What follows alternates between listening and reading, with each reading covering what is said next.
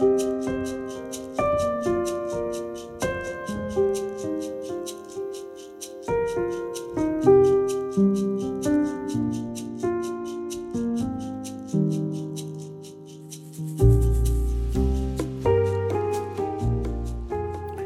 være til stede når han kommer.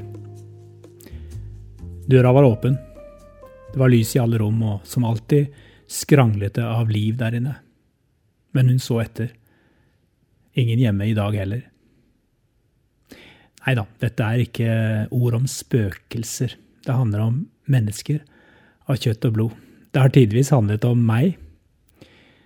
Vi fristes til å flykte bort fra oss selv når de indre stemmene roper og forteller oss at livet trenger forandring.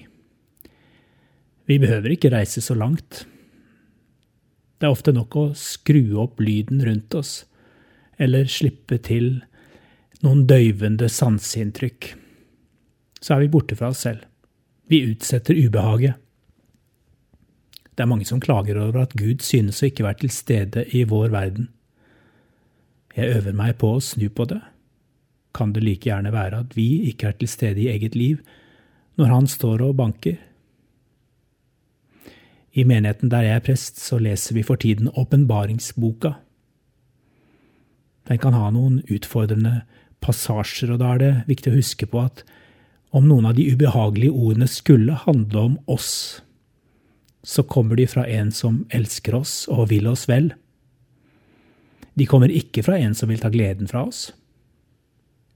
Har vi tid og stillhet til å stille spørsmålet om noen av de kjærlige alvorsordene angår våre liv?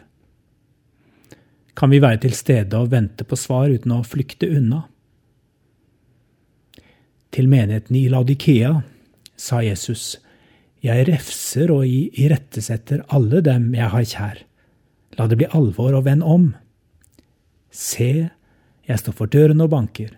Om noen hører min røst og åpner døren, vil jeg gå inn til ham og holde måltid, jeg med ham og han med meg. Vær velsignet der du er.